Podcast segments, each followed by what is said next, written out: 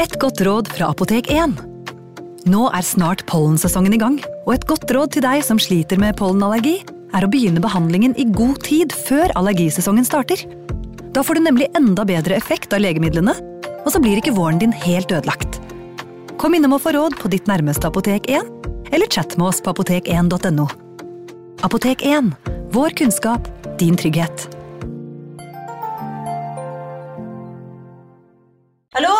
Jeg kommer fra Oslo politikammer.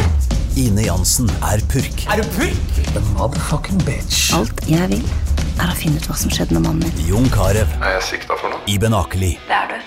Ole So, Lars Berrum og Big Daddy Karsten. Hvem sin side er du på, egentlig? Anette Hoff, Tone Danielsen, Kommer du fra Afrika? Jørnis Josef, Nesten kløfta. Trond Espen Seim, Det er synd å si det, men det var feil mann som døde. Purk. Premiere tirsdag på TV2 Play. Advarsel. I denne podkasten vil du høre historier basert på informasjon programlederne har funnet selv. Programlederne står ikke nødvendigvis inne for meninger og syn som fremstilles. Noen påstander kan avvike fra virkeligheten.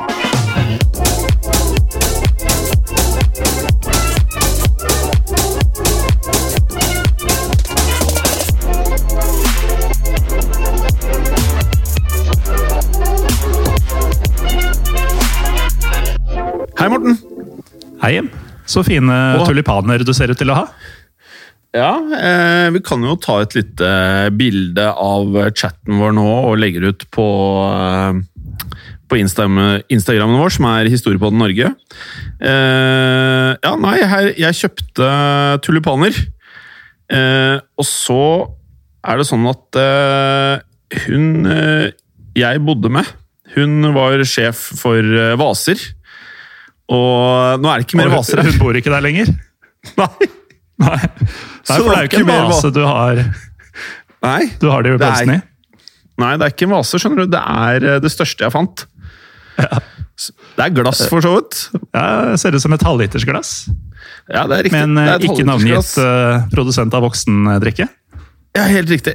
Så det er gule tulipaner, men så glemte jeg at jeg ikke hadde vase. Ja. Og da har vi Så hatt det hyggelig nok for i dag, kanskje? Ja Det her er det hyggeligste som skjer i denne episoden, i hvert fall. Men uh, si meg, har du det bra? Jeg har Vi ser det. hverandre ikke fysisk lenger, som vi uh, Jeg savner deg i hvert fall hver uke. Ja, nei, takk det samme. Um, Etter forholdene så har jeg det ganske bra. Begynner å bli mer og mer vant til denne måten å leve på. Men uh, det er jo klart det er frustrerende å sitte inne hele tiden. Um, Men så lenge det er det verste, så skal jeg ikke klage. Og så føles det vel nesten som at eh, på generelt basis at folk har eh, mindre sånn derre panisk eh, eh, følelse over situasjonen. Altså det, jeg syns kanskje noen ganger at det virker som at det kanskje har blitt litt sånn motsatt effekt. At de to første ukene så var folk helt sånn Ingen turte noe. Mens mm. jeg var ute og gikk Jeg går tur på kveldene, og så var jeg ute og gikk forgårs på kvelden, som da blir skal vi se, søndag og fredag kveld.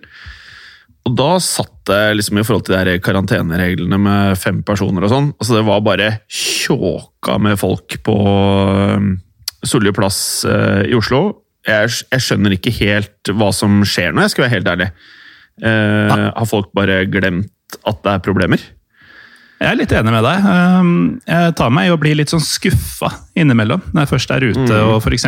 prøver å holde avstand til andre folk på fortauet. Og så merker jeg at de er ikke like interessert i det.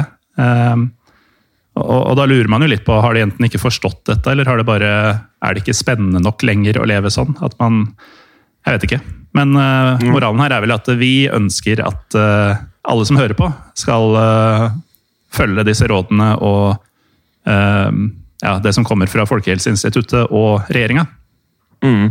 Jeg føler ikke at vi driver med så veldig mye moralpreken sånn til vanlig, vi, Morten, men eh, akkurat det her er såpass enkelt å følge og utrolig viktig. Så eh, man blir jo litt sånn, eh, som du sier, skuffet, men også litt sånn Det er så unødvendig. Det er, det er, det er bare småting man trenger å gjøre annerledes. Mens når du sitter sånn sånn eh, Jeg skal ikke nevne hvilken tacokjede det var, men eh, en tacokjede i nærheten av Solli plass, når det sitter da sikkert 15-20 eh, ja, par og 20-åringer der, og det føles ut som at det ikke er noe annerledes enn hvis det hadde vært en vanlig fredag med sol. Så synes jeg vel at eh, det bør man holde seg for god for, da. For fellesskapet og for seg selv og vennene sine. Jeg er helt enig. Men eh, med det så er det vel en god eh, bridge inn til eh, hva vi skal snakke om i dag. Det her, du, du er god på det her, Morten. Det her er du sabla god på. Uh, vi kan jo si hei til lytteren òg. Håper dere har det det vel.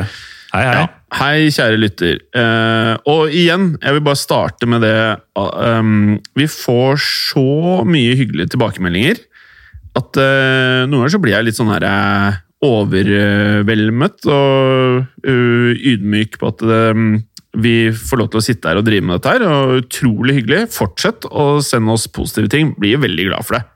Det gjør vi. Eh, hva skal vi snakke om, Jim? Ja, dette her er jo da tredje del av Vi må vel kalle dette her for pandemispesialene våre, eller pandemi-slash-epidemispesialer. Ja, det må vi jo. Eh, tredje og det vi tror blir eh, siste. Ja, med mindre vi plutselig blir inspirerte til å kjøre en Hvis det dukker opp noe i historien så vi føler liksom her, dette må vi klemme inn. Eneste som blir utfordrende med det, selvfølgelig, uten å eh, ødelegge spenningen i episoden, så avsluttes det jo kanskje med eh, det som er dagens situasjon, da. Det vi vet hittil. Ja, det blir jo en litt, eh, litt annerledes historie på det i dag. Altså, vi skal jo ta for oss to sykdommer i dag også. Hvorav den ene er eh, gammel og historisk, mens den andre er jo history in the making. Og da kan jo folk Yep. kanskje gjette seg til eh, hva vi skal eh, avslutte med i dag. Den første pandemien ut er eh, noe jeg tror ekstremt mange har hørt om. eh, Og det er spanskesyken. Um, Og den rammet kloden vår for ikke altfor lenge siden. Eh, Ikke lenge etter første verdenskrig, faktisk. Som jeg syns er en sånn viktig ting å ha i mente. For det setter ting mye mer i perspektiv. For jeg føler at Ja. andre verdenskrig, det er jo ikke lenge siden. Og eh, mellomkrigstiden, altså mellom første og annen verdenskrig, det er heller ikke så insane lenge siden. Uh, Jeg så en eh, ganske morsom tweet uh, her om dagen. eh, ja. Hvor det var en som skrev at noe som gjorde at mellomkrigstiden ble en ganske sånn eh, ubehagelig periode å leve i, var at folk gikk rundt og spurte hvorfor det ble kalt mellomkrigstiden. Ja, ok. Ja. Nei, det er jo en eh, fin liten eh, nugget der, eh, Morten. Ja. Eh, ja. Spanskesyken regnes historisk sett for å være en influensapandemi, og av mange som den verste influensapandemien i historien. Og så er det selvfølgelig forskjellige måter å se det på. Hva Ordet verst er jo veldig relativt, egentlig. Er det antall prosent av populasjonen på jorden? Er det antall mennesker døde? Er det effekten av sykdommen på folk og på samfunn? Det får man vurdere litt selv, men mm. dette er i hvert fall noe som vi fant veldig grusomt. Um, men så er det jo sånn, da uh, Det jeg ikke visste fra før, selv om jeg hadde hørt veldig mye om spanskesyken, det var jo hvorfor i all verden det heter, eller blir kalt, spanskesyken. For det har jo pent lite å gjøre med verken Spania eller spanjolene. Så eh, vi kommer da tilbake til opphavet til dette navnet litt senere i episoden. Ja, det, det skal vi, for det, det er jo sant som du sier. Den eh, kommer jo ikke fra Spania. Um, men det er jo en ganske nylig pandemi. Da. Den, eh, den ble jo avslutta for ganske nøyaktig 100 år siden nå. eh, Så sammenligna med mange av de andre hovedpandemiene vi har vært eh, borti, så er den eh, forholdsvis eh, ny. Eh, Som vanlig så tar vi litt medisinske definisjoner og forklaringer først, sånn at dere som hører på, vet hva spanskesyken er. Ja.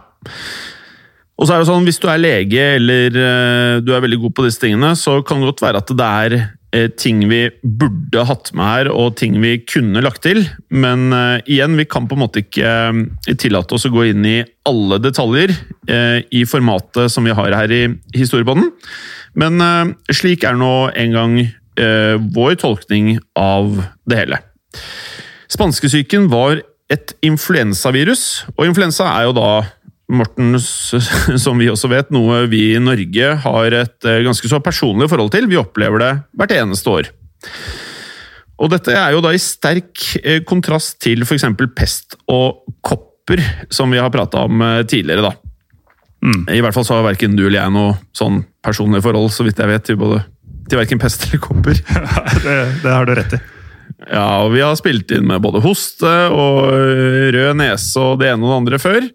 Apropos det, Jim, så kan vi jo som en bonus til lytterne fortelle om eh, at det med hosting eh, Dersom lytterne har hørt oss hoste Ja, der, ja.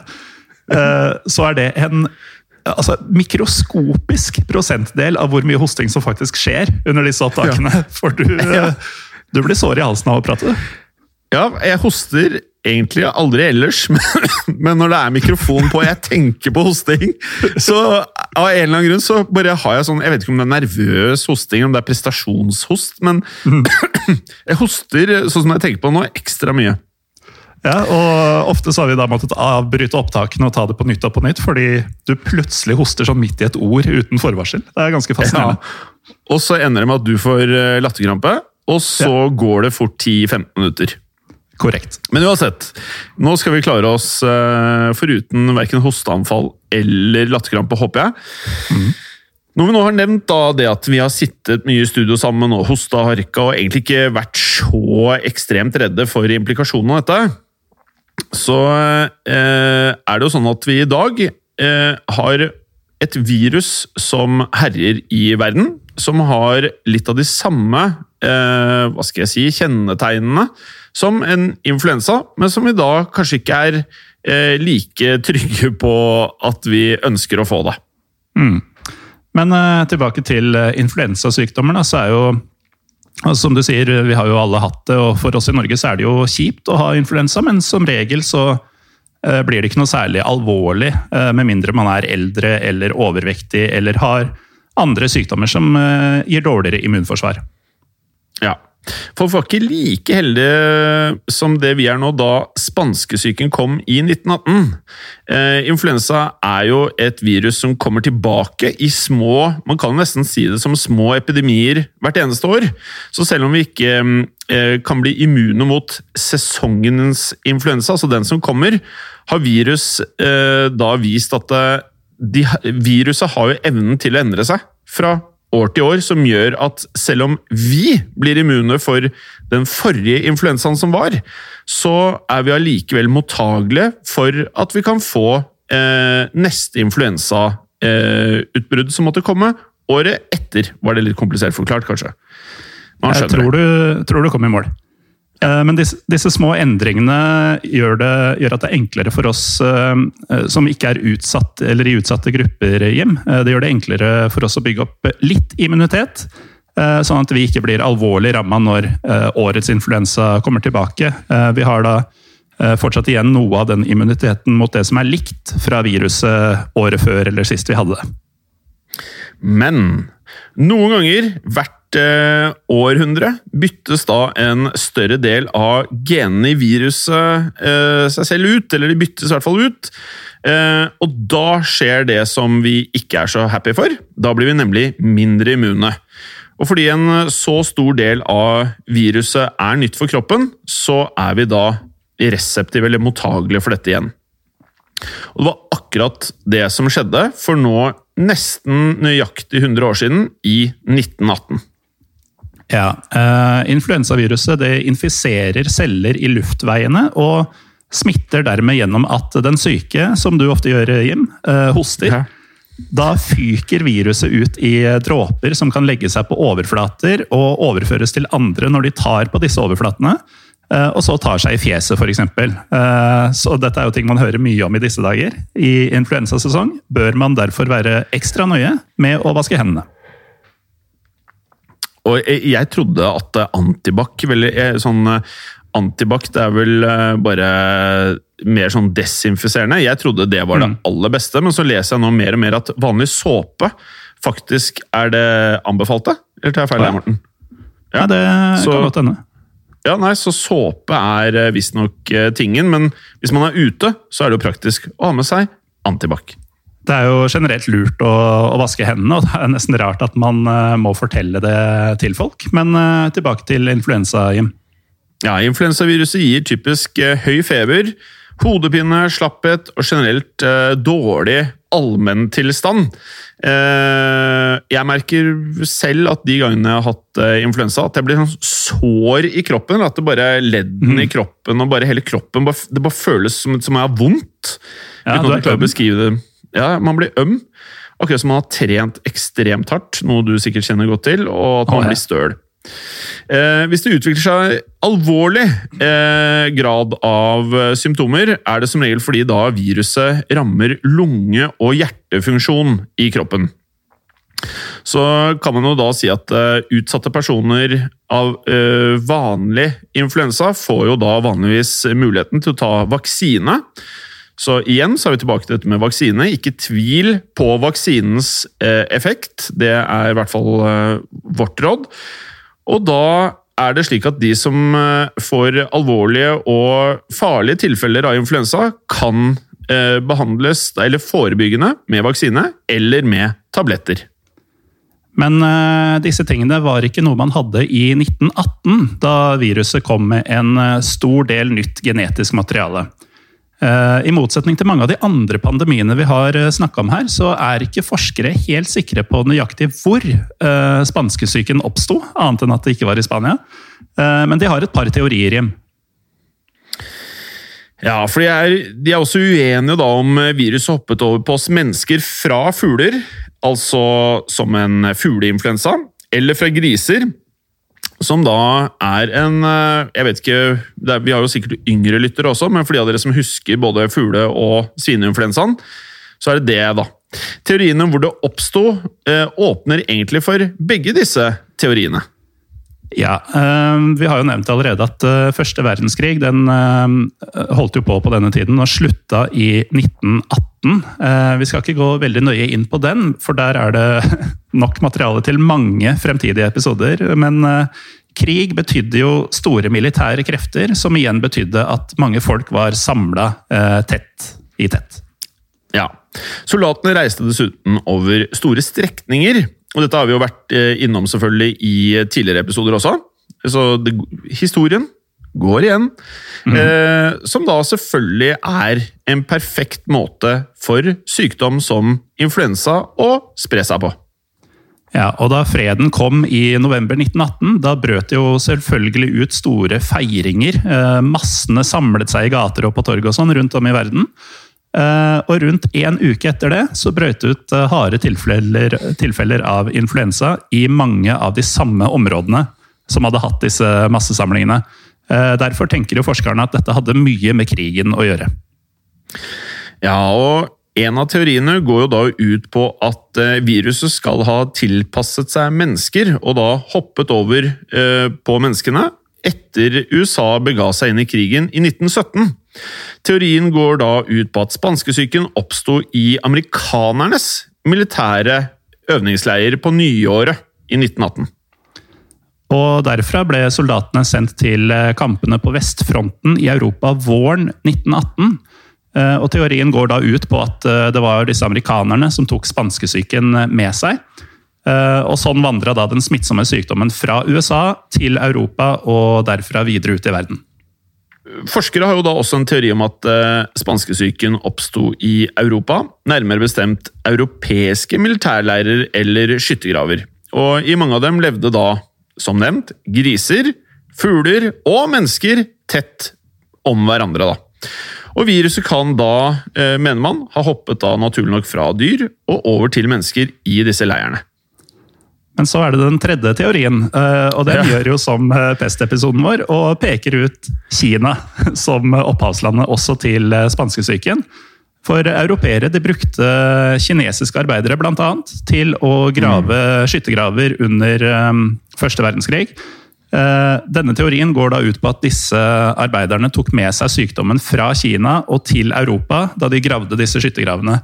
Og siden da igjen de var på steder med mange mennesker på, på liten flate, så spredte viruset seg da som, som ild i tørt gress, som man sier. Ja, og den eh, teorien da om eh, de kinesiske arbeiderne er den nyeste eh, teorien.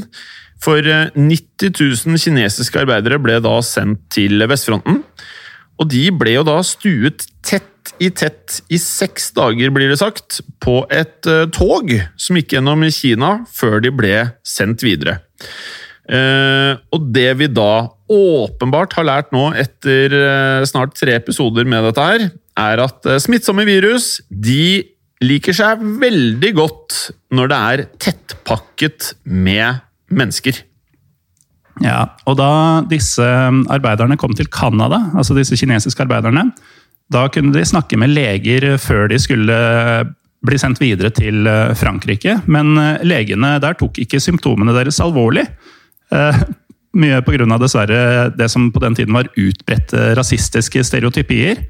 Så mente legene i Canada da at disse syke arbeiderne de bare klaga og at sykdommen egentlig bare var det disse legene da omtalte som kinesisk latskap. Og her også ser vi jo noe eh, Gjennom de tre episodene her så har vi lært utrolig mye om hvor mye bedre alt er i dag enn tidligere. Mm. Uh, her er et godt eksempel på helt sånne grunnleggende ting. da.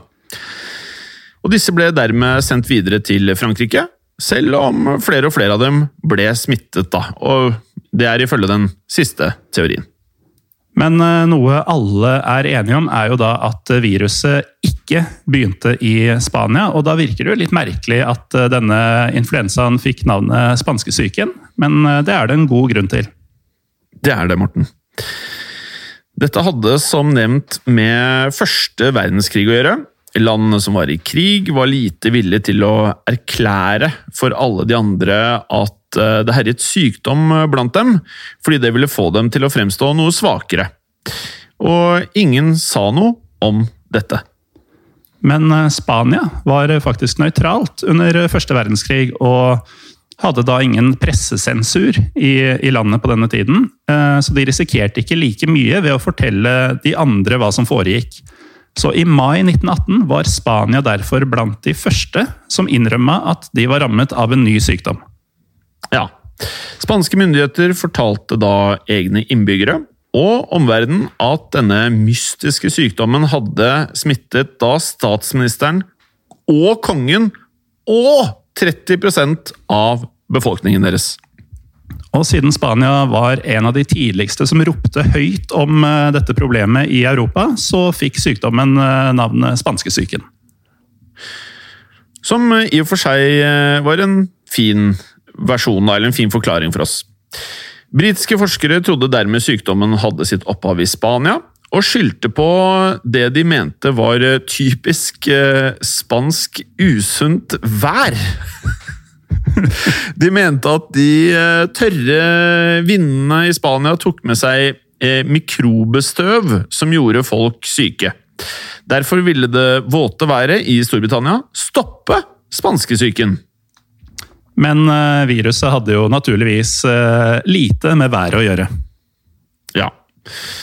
Når man først fikk spanskesyken, fikk man sterkere symptomer i, eh, enn i en vanlig influensa. Typiske symptomer var plutselig høy feber, betennelser i øyne og luftveier, og intens hodepine, tørrhoste og en høy grad av svimmelhet. Mange rapporterte også blødninger fra lunger, nese, nyrer, livmor og endetarm. Dette er ganske heftige greier. Ja, Det høres ikke noe hyggelig ut i det hele tatt. Men uh, alle disse blødningene og sånn, det ga ofte opphav til etterfølgersykdommer. Altså at uh, det spanskesyken hadde gjort med deg, gjorde at du fikk en sykdom i kjølvannet av det. Uh, og dette var f.eks. Uh, alvorlig lungebetennelse, som eh, deretter tok livet av folk. Spanskesyken kom i tre til fire bølger på to år, og det regnes med at den tok livet av mellom 50 og 100 millioner mennesker på verdensbasis. Ja, det er jo vanvittig høyt, og for å sette det litt i perspektiv, så er det mer enn antall døde under første og andre verdenskrig til sammen. Ehm, og eh, denne nye versjonen av viruset den hadde jo mesteparten av befolkninga liten eller ingen immunitet mot. Og eh, den rammet, som du sa, i tre til fire bølger, litt avhengig av hvor man var i verden. Våren og sommeren 1918 kom den første bølgen, som pussig nok hadde ganske lav dødelighet. Men da andre og tredje bølge kom høsten 1918 og utover vinteren i 1919, da var dødeligheten langt, langt høyere. Til slutt så kom en fjerde bølge i første halvdel av 1920, altså nøyaktig da eh, 100 år siden. Og pandemien døde ut sakte, men sikkert etter dette. Som vi har vært litt inne på, så mangla man eh, både fullstendig kunnskap om sykdommen og også utstyr til å behandle den i 1918. Eh, men man skjønte jo fort at dette her var veldig smittsomt, så mange lands myndigheter de stengte skoler og oppfordra folk til å unngå folkemengder. Eh, som da vi vet i dag var gode tiltak for å forhindre smitte. Og andre tiltak eh, hadde kanskje ikke like mye rot i eh, virkeligheten, da. Noen forsøkte å puste inn røyk fra brent tjære for å da ikke bli sjuke. Som eh, vi kan avsløre at uh, historikere mener hadde liten virkning. Jeg skjønner ikke hvordan de kommer på disse ideene noen ganger. Nei, en annen ting er men Den vi prata om i forrige episode om å drikke øl, den, mm. Den er jo veldig interessant. Den kan jo man ha kommet på rett og slett fordi det var behagelig. ja, Men uh, neste påstanden her er jo faktisk uh, beslekta med den. fordi uh, det er jo ganske utbredt å tro at alkohol kunne fungere som medisin også mot spanskesyken. Mm. Så her i Norge for eksempel, var mange leger overbevist om nettopp det. og de ba til og med norske myndigheter om å utlevere brennevin til alle husstander. ja, det høres ut som en god idé, men kanskje ikke en god idé for å bekjempe sykdom. Nei, eh, vi tror jo ikke det i dag. Nei. Og tro det eller ei, det fikk de gjennomslag for. Selv om eh, det generelt var forbud mot brennevin i Norge fra 1916 til så lenge ut som da 1927. Altså 11 år. Unntaket ble brennevin under spanskesyken. Eh, myndighetene vedtok at apotekene i landet kunne dele ut rasjoneringskort på konjakk til alle husstander i eh, landet. Tenk om det har vært sånn nå, Morten? Ja, jeg går jo bare og venter på konjakklevering på døra, men den, den, kommer nok ikke. For vi vet jo nå at alkohol om noe faktisk senker immunforsvaret litt. Og funker jo definitivt ikke mot virus. Men når vi først er inne på Norge, Jim, så kan vi jo snakke litt om hvordan spanske, spanskesyken slo til her i landet.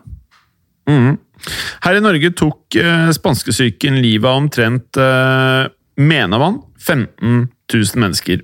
Den rammet uh, hardest nord i landet, og totalt ble 5000 ekteskap oppløst pga. død. Sosiale faktorer endret seg også blant de som overlevde her, naturlig nok. Og etter pandemien så økte antallet innleggelser på det som da het sinnssyke asyl. Det er så hardt ordet. Ja, og bare å bruke uttrykket 'sinnssykt' når du er sånn fagmenneske, liksom. Eh, men også på Fattighuset økte antallet innleggelser. Eh, og selvmordsratene i Norge gikk også opp. Noe som selvfølgelig kan ha med å gjøre med det du sa, at mange mistet sine kjære. Apropos det å miste folk, så var det noe veldig spesielt ved spanskesyken som skiller den fra andre perioder med influensa. Ja, eh, for sesongbasert influensa, altså den mildere versjonen som kommer tilbake hvert år, den er jo mest farlig for, eh, for eldre, folk som er syke fra før, og for eh, små barn. Men under spanskesyken så skjedde det noe merkelig. Ja, Eh, den andre bølgen med spanskesyken forårsaket unormalt høye dødsfall blant unge, friske mennesker i typ alderen 25 til 35. Eh, som regel er jo disse blant de som kanskje er tryggest, altså de tryggeste gruppene å være i når det forekommer slike ting. Men under spanskesyken døde altså denne gruppen i langt større grad enn de andre, eh, andre aldersgruppene. Ja, altså Unge og ellers friske mennesker, eller tidligere friske mennesker, de fikk skyhøy feber og en lungebetennelse som sørga for at eh, lungene samla opp så mye væske at de rett og slett drukna. Eh, og det var jo høyst unormalt at denne gruppa ble så hardt eh, rammet som den ble da. Og det skulle ta hele ti år etter denne perioden da før forskerne kom fram til mulige forklaringer eller årsaker til at nettopp dette skjedde her. da. Den versjonen av influensaviruset som herjet under spanskesyken, klarte nemlig å trigge en overreaksjon i immunforsvaret til de unge, friske menneskene. Ja, Når eh, menneskekroppen angripes av et virus, så pleier jo immunforsvaret å sende ut noen eh, signalmolekyler eh, som kalles cytokiner. Hvis det er riktig uttale. Det får vi sikkert beskjed om i innboksen. Ja. Disse molekylene bidrar til å kjempe mot sykdom, men når viruset da overtrigga immunforsvaret, så slapp immunforsvaret løs altfor store mengder cytokiner, som førte til store betennelser og oppbygging av væske i lungene. Ja. ja og om det ble litt mye medisinsk terminologi her, så kan vi oppsummere det som at Viruset fikk eh, immunforsvaret til friske mennesker til å overreagere. Og denne overreaksjonen da igjen bidro til å gjøre menneskene enda sykere. Ja, eh, det, det var godt oppsummert, Jim. Og takk, Morten. Mye lettere enn min versjon. Jeg liker å gi meg komplimenter. I ettertid så har en del historikere kritisert flere lands myndigheter for å bevisst ha latt være å innføre karantene når de visste om dette viruset. Og dette var fordi mange politikere ikke ønska å stenge ned fabrikker og industri og holde folket hjemme mens landet var i krig. Mm. Som er litt dilemma vi merker i 2020, altså 100 år senere også. Ja, med unntak av krigen så er det ganske likt det vi forteller om her. altså. Mm. Og mangel på karantene var jo da en av tingene som gjorde at viruset spredte seg. da.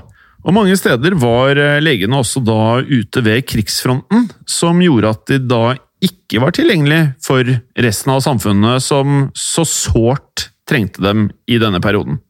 I USA hadde de da en stor mangel på sykepleiere, fordi de fleste hadde blitt sendt til det militære så var vi litt inne på eh, rett og slett rasisme fra de canadiske legene i stad. Eh, amerikanske Røde Kors de nekta også å bruke utdannede afroamerikanske sykepleiere, helt fram til de verste sykdomsbølgene allerede hadde passert.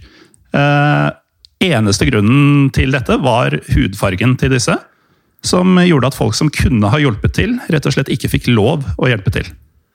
Forskere antar at omtrent 25% av hele USAs befolkning ble smittet av spanskesyken. Og til slutt så tok den eh, mest sannsynlig da livet av nesten 700 000 amerikanere. Og Samtidig så var det jo lidelse også i resten av verden. Eh, spanskesyken den spredte seg raskt fra Nord-Amerika og Europa til Asia, Afrika, Sør-Amerika og Sør-Stillehavet. Eh, og India ble særlig hardt eh, rammet, med så mye som 50 døde per 1000 innbyggere, som er et ekstremt høyt tall på dødelighet. Mm. Og totalt på verdensbasis antar forskerne at spanskesyken smittet rundt en tredjedel av hele verdens befolkning i løpet av disse to årene, altså 1918 til og med 1920, og tok livet av omtrent 50 millioner mennesker totalt, men kanskje så mye som eh, 100 millioner mennesker. Ja, og så bare sånn For å poengtere det, da, så um, skiller jo spanskesyken seg veldig fra den standard sesonginfluensaen som, uh, som dukker opp også i våre dager. Uh, den er jo langt mildere og snillere enn det spanskesyken var. Og vi har jo også, som vi var inne på tidligere, vaksiner som gjør oss tryggere eh, enn folk var i 1918, da uten vaksiner. Og igjen, ikke tvil på vaksiner. Ikke tvil på vaksiner. Eh, vi har hatt noen få influensapandemier etter det. Noen av dere kan jo kanskje huske svineinfluensaen som vi prata om, som foregikk da i perioden 2009 til 2010. Jeg husker jo eh, selv at eh, jeg hadde litt panikk, for jeg skulle til USA i denne perioden. og da husker jeg at når jeg satt på flyet, så satt amerikanere med Hva heter det? masker i ansiktet. da. Mm. Eh, så det, selv om man nå, ti år senere, eh, føler at svineinfluensaen kanskje er litt sånn fjern, så var det ganske mye frykt rundt dette den gang også. Mm. Men den var jo da langt mildere, og tok jo da selvfølgelig langt færre liv enn spanskesyken. Ja. Og den eh, svineinfluensaen kunne jo egentlig vært en uh, egen del uh, til fremtidige pandemispesialer, men vi får la det ligge for denne gangen. Ja, og det man kunne gjort Vi har jo nå Det er flere pandemier og epidemier vi har valgt å ikke ta med. Vi følte at tre episoder var en fin lengde på disse på disse episodene. Men, men, skulle vi få enda mer informasjon om covid-19, så kan det jo godt være at vi da sper på med eh, svineinfluensa, div, andre eh, mm. pandemier, og at vi lager en oppdatering på covid-19. Eh, men nå, eh, før vi går over til nevnte eh, pandemien som foregår i verden i dag, og hører på denne podkasten om tre år, fire år, fem år, ti år, 20 år, 100 år, så er det da altså eh, 12. april vi spiller inn dette her, i 2020. Så skal dere få høre mer om dette etter en kort pause. Er du glad i historiepodden? Sjekk gjerne ut andre podkaster fra moderne media, som True Crime-podden, Skrekkpodden eller Mørkredd. Podkastene våre finner du der du lytter til podkast, som på iTunes eller på Spotify. Velkommen tilbake. Før pausen så fikk dere høre om eh, spanskesyken, og nå skal eh, dere få høre om den siste pandemien i vårt eh, pandemimaraton her i Historiepodden. Og vi skal jo da, som nevnt, selvfølgelig ta for oss verdens ferskeste pandemi, og grunnen til at jeg og Morten ikke sitter i samme rom når vi da spiller inn podkasten vår. Det er selvfølgelig koronapandemien vi skal prate om her i dag. Ja, og det er jo ganske utypisk oss å snakke om ting fra, fra nåtiden. Eh, det er jo mye fortid eh, som, som går igjen i historiepodden, men det her kommer jo til å bli historie, så vi er rett og slett bare litt eh, tidligere ute enn vanlig. Koronapandemien kommer garantert til å bli en stor del av historien. Så la oss prate litt i dag om hvordan vi opplever det akkurat nå. Og, og, da er det igjen viktig å huske på at informasjonen endres daglig, timevis, ukentlig, månedlig. Så dette kan være helt annerledes eh, det vi da skal frem til fremover. Ja, for det vi skal fortelle om nå, er det vi foreløpig vet om eh, koronaviruset nå tidlig april eh, 2020. og Eh, som dere sikkert har merka i deres liv også, så kan det være vanskelig å gi et komplett bilde når vi sitter midt oppi dette her. Så Derfor oppfordrer vi eh, folk som er interessert, eller vi oppfordrer egentlig alle, til å følge med på nettsidene til eh, Verdens helseorganisasjon og Folkehelseinstituttet, og ikke bruke oss som hovedkilde i tiden framover. Så med det ut av veien, så kan vi begynne med virusets bakgrunn. I følge Store norske leksikon så er koronavirus, eller koronavirus, leste jeg på Språkrådet at det skal uttales, eh, er egentlig betegnelsen på en hel familie av virus. Og ikke alle disse kan smitte mennesker. Noen smitter eh, bare dyr. Mm. Og noen kan jo da mutere, slik at de da kan smitte fra dyr til menneske. Og det er det man eh, antar, og det man sier har skjedd med koronaviruset, SARS-CoV-2, som gir sykdommen covid-19. Eh, det er dette viruset vi i dag omtaler som korona, og som, da, eh, som er opphavet til at vi sitter hjemme som alle andre, Morten. Ja, og akkurat som eh, spanskesyken så smitter også dette viruset gjennom eh, dråpesmitte. Så det vil si at eh, dersom du er smitta og hoster eller nyser på en overflate som andre tar på, og de putter fingrene med dråpesmitte inn i munnen Det høres ut som man systematisk driver og spiser smitte, men det er jo ikke det. Så blir jo disse også smittet. Og man kan jo tenke at dette er enkelt å unngå, men vi tar oss faktisk, eh, sies det, eh, i snitt eh, oss selv i ansiktet 23 ganger. Ikke om dagen, ikke om døgnet, men i timen! Jeg tror uten, lett på det. Ja, uten at vi tenker oss over dette. Og jeg tar meg veldig ofte i skjegget. Som er en av grunnene til at jeg har vurdert å bare stusse det, og også stusse håret, for jeg tar meg ofte i håret. Mm. Og Det som da skjer når vi da 23 ganger i timen tar oss i ansiktet, det er da at viruset kan vandre inn gjennom nese, munn eller også blir det sagt øyne.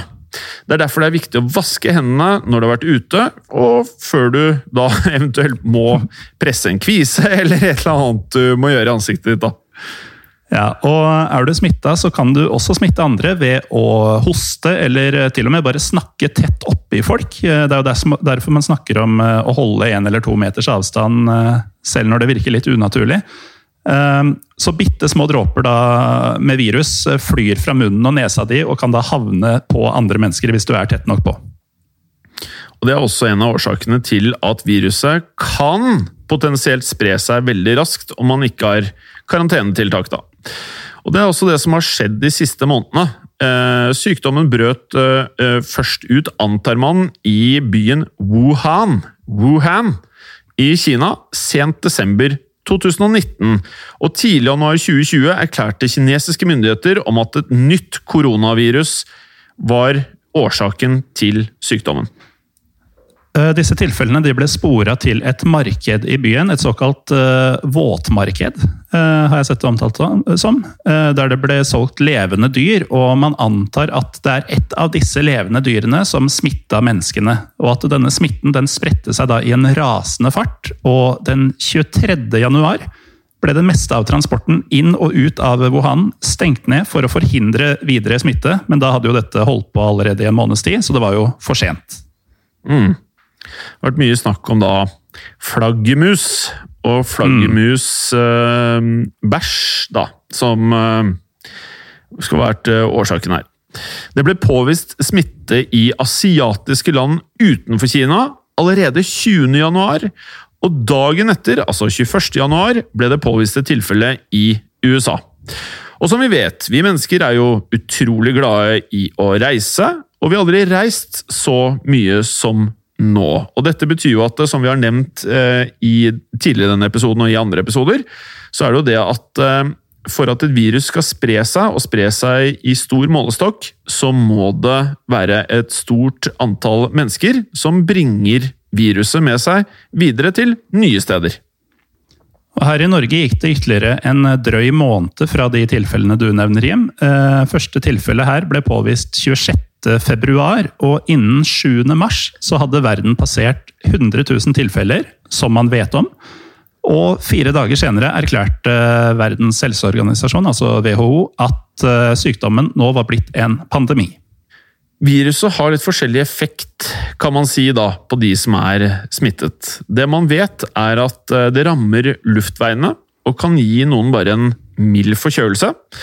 Men det kan også utvikle seg til mer alvorlig sykdom, som kan gi lungebetennelse og også da lungesvikt, som i svært alvorlige tilfeller kan føre til døden. Og som alle nå vet, så er det jo ikke likt for alle hvor alvorlig dette utvikler seg. Man eh, løper en større risiko for å utvikle alvorlig sykdom dersom man er gammel, eller man har svekket immunforsvar, eller har visse underliggende sykdommer fra før. Siden covid-19-smitten sprer seg såpass eh, raskt, da, så har eh, mange land innført eh, tiltak for å begrense smitten.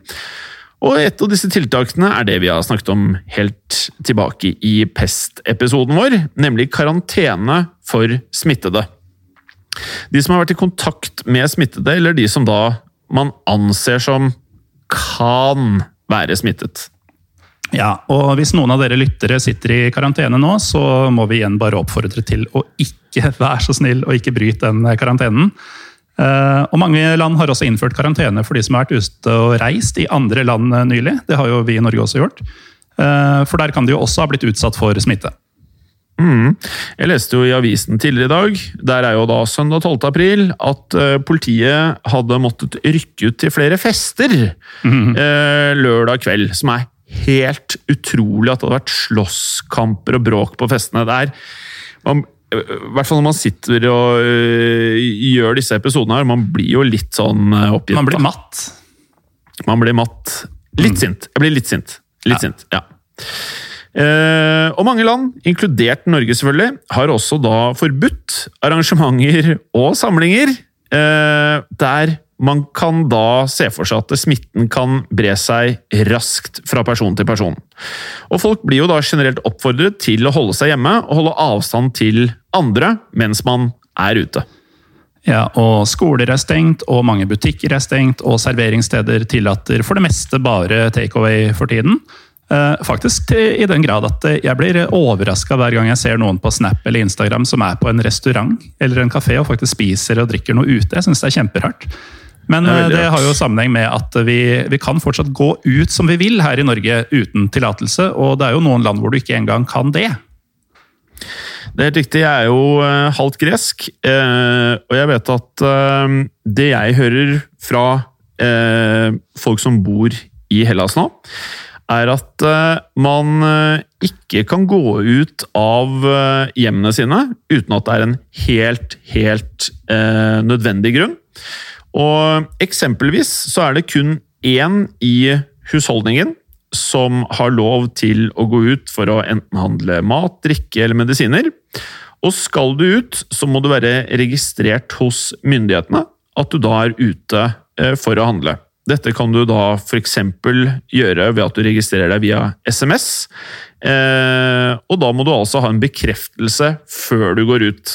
Og når man hører dette her, da, eh, så er jo det ekstremt mye strengere enn i Norge.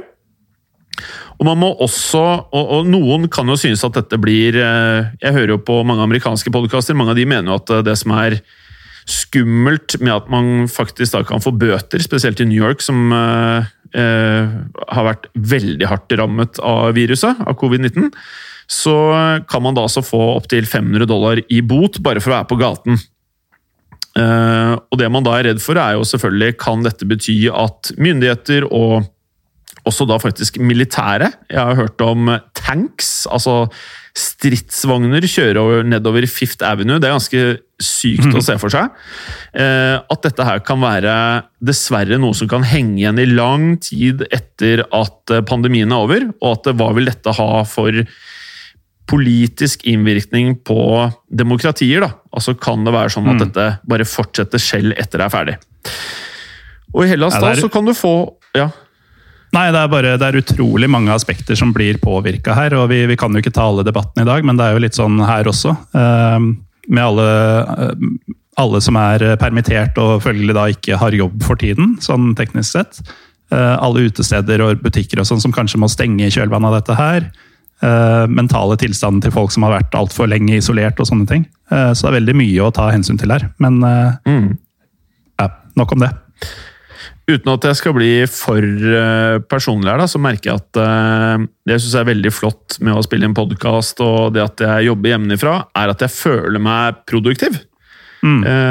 For jeg merker at det er farlig lett å bare bli liggende på sofaen og se på Netflix og surre på Instagram og YouTube. Og, og så går dagene. altså Den måneden her, jeg syns den har gått kjempefort, det.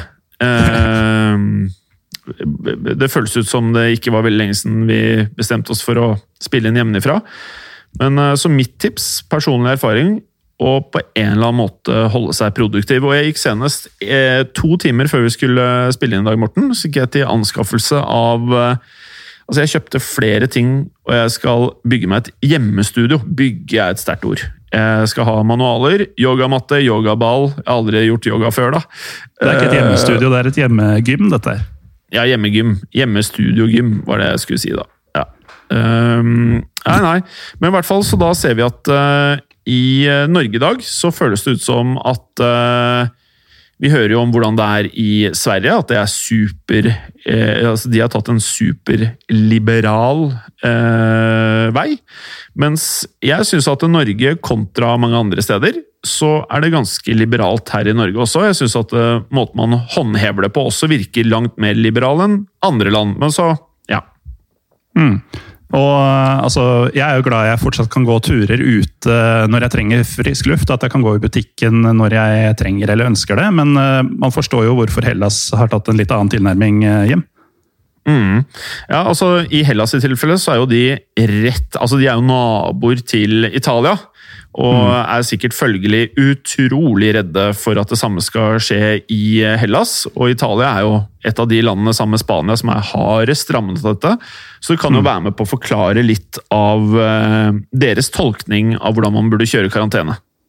Ikke sant. Men uh, nå har vi jo tatt en uh, veldig rask oppsummering av koronasituasjonen. Og vi understreker da igjen at dere bør følge med på nyheter og um, de relevante myndighetenes hjemmesider om dere vil ha oppdatert og dypere informasjon om dette her. Så jeg tenkte at vi nå kanskje kunne snakke litt om myter og konspirasjonsteorier som har dukka opp rundt covid-19, for det er det en del av hjem. Ja, Vi prater jo ikke så veldig mye om myter og konspirasjonsteorier i denne podkasten, men her er det utrolig relevant. Eh, og det er mange av de, og noen av de er så tøysete at det ikke er eh, noe poeng å ta det med engang. Men eh, mm. i hvert fall i disse episodene da, har vi jo sett med litt eh, humoristisk blikk på feilaktige ting folk trodde eh, om sykdom før i tiden. Men selv om vitenskapen har kommet mye lenger nå, så betyr det jo da, som vi nå åpenbart kommer til å se, at uh, folk fortsatt ikke tror merkelige ting. Ja, og siden vi har internett nå, eh, i motsetning til spanskesyketiden og, og enda tidligere, så kan jo falske kurer og lignende spre seg til mange mennesker veldig enkelt. Så uh, WHO, som vi nevnte tidligere, de har laget en egen side uh, på nettsiden sin som de kaller Mythbusters. Der de stikker hull på uh, mer eller mindre utbredte myter om viruset.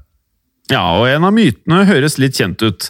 Der opplyser WHO nemlig om at uh, nei, å drikke alkohol beskytter deg ikke mot viruset. Nei, det, det, gjør det ikke nå heller, akkurat som det ikke gjorde det mot spanskesyken. Uh, men, men, dette er visst noe mange har trodd om koronaviruset også, så atter en gang så ser vi at historien gjentar seg. Mm. Eh, og det er jo noen som fremdeles tror på at vaksiner ikke er sunt. Eh, ja, ja. Så det er ingen grunn til å øke alkoholinntaket, i hvert fall ikke for å holde virus på avstand. Uh, eh, WHO tar også for seg flere myter på siden, som at kaldt vær eller et uh, varmt bad skal kunne beskytte mot virus.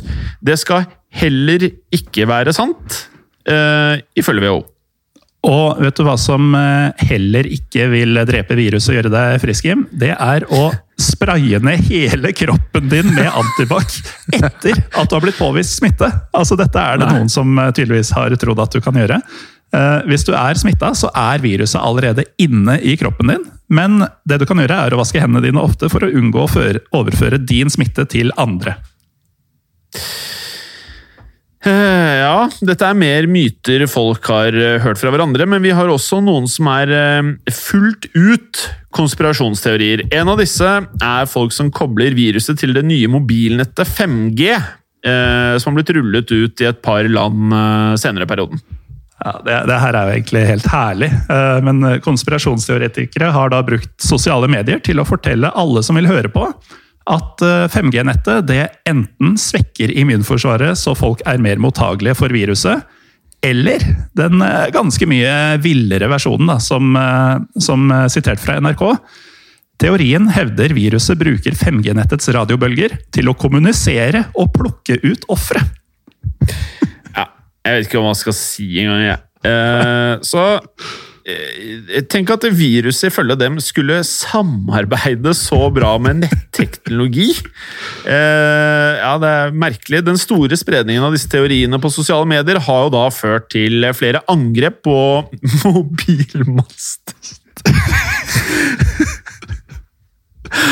Altså, disse teoriene har da ført til at folk har angrepet mobilmaster i Storbritannia. Så det folk da gjør, er at de går og tenner på mobilmastene, fordi de tror eh, de er årsaken til smitten, da. Det, det, er så sykt, og um, ikke minst så gjør det jo bare vondt verre med dette. Fordi um, uh, helsetjeneste og nødetater for eksempel, de bruker jo mobilnettet til å kommunisere. Så de trenger jo at disse mastene blir stående. Ja, uh, Man vet jo ikke hva man skal si lenger, da. Uh, så hvem som helst kan jo egentlig si hva som helst på sosiale medier. Det betyr jo ikke at de vet hva de prater om. Virus som smitter gjennom dråpesmitte, bryr seg ikke om mobilnettet. Det er i hvert fall hva vi mener, da. Og WHO. Ja, det, det, mener vi ganske glassklart. At det ikke ja. er uh, noen sammenheng mellom virus og mobilnett.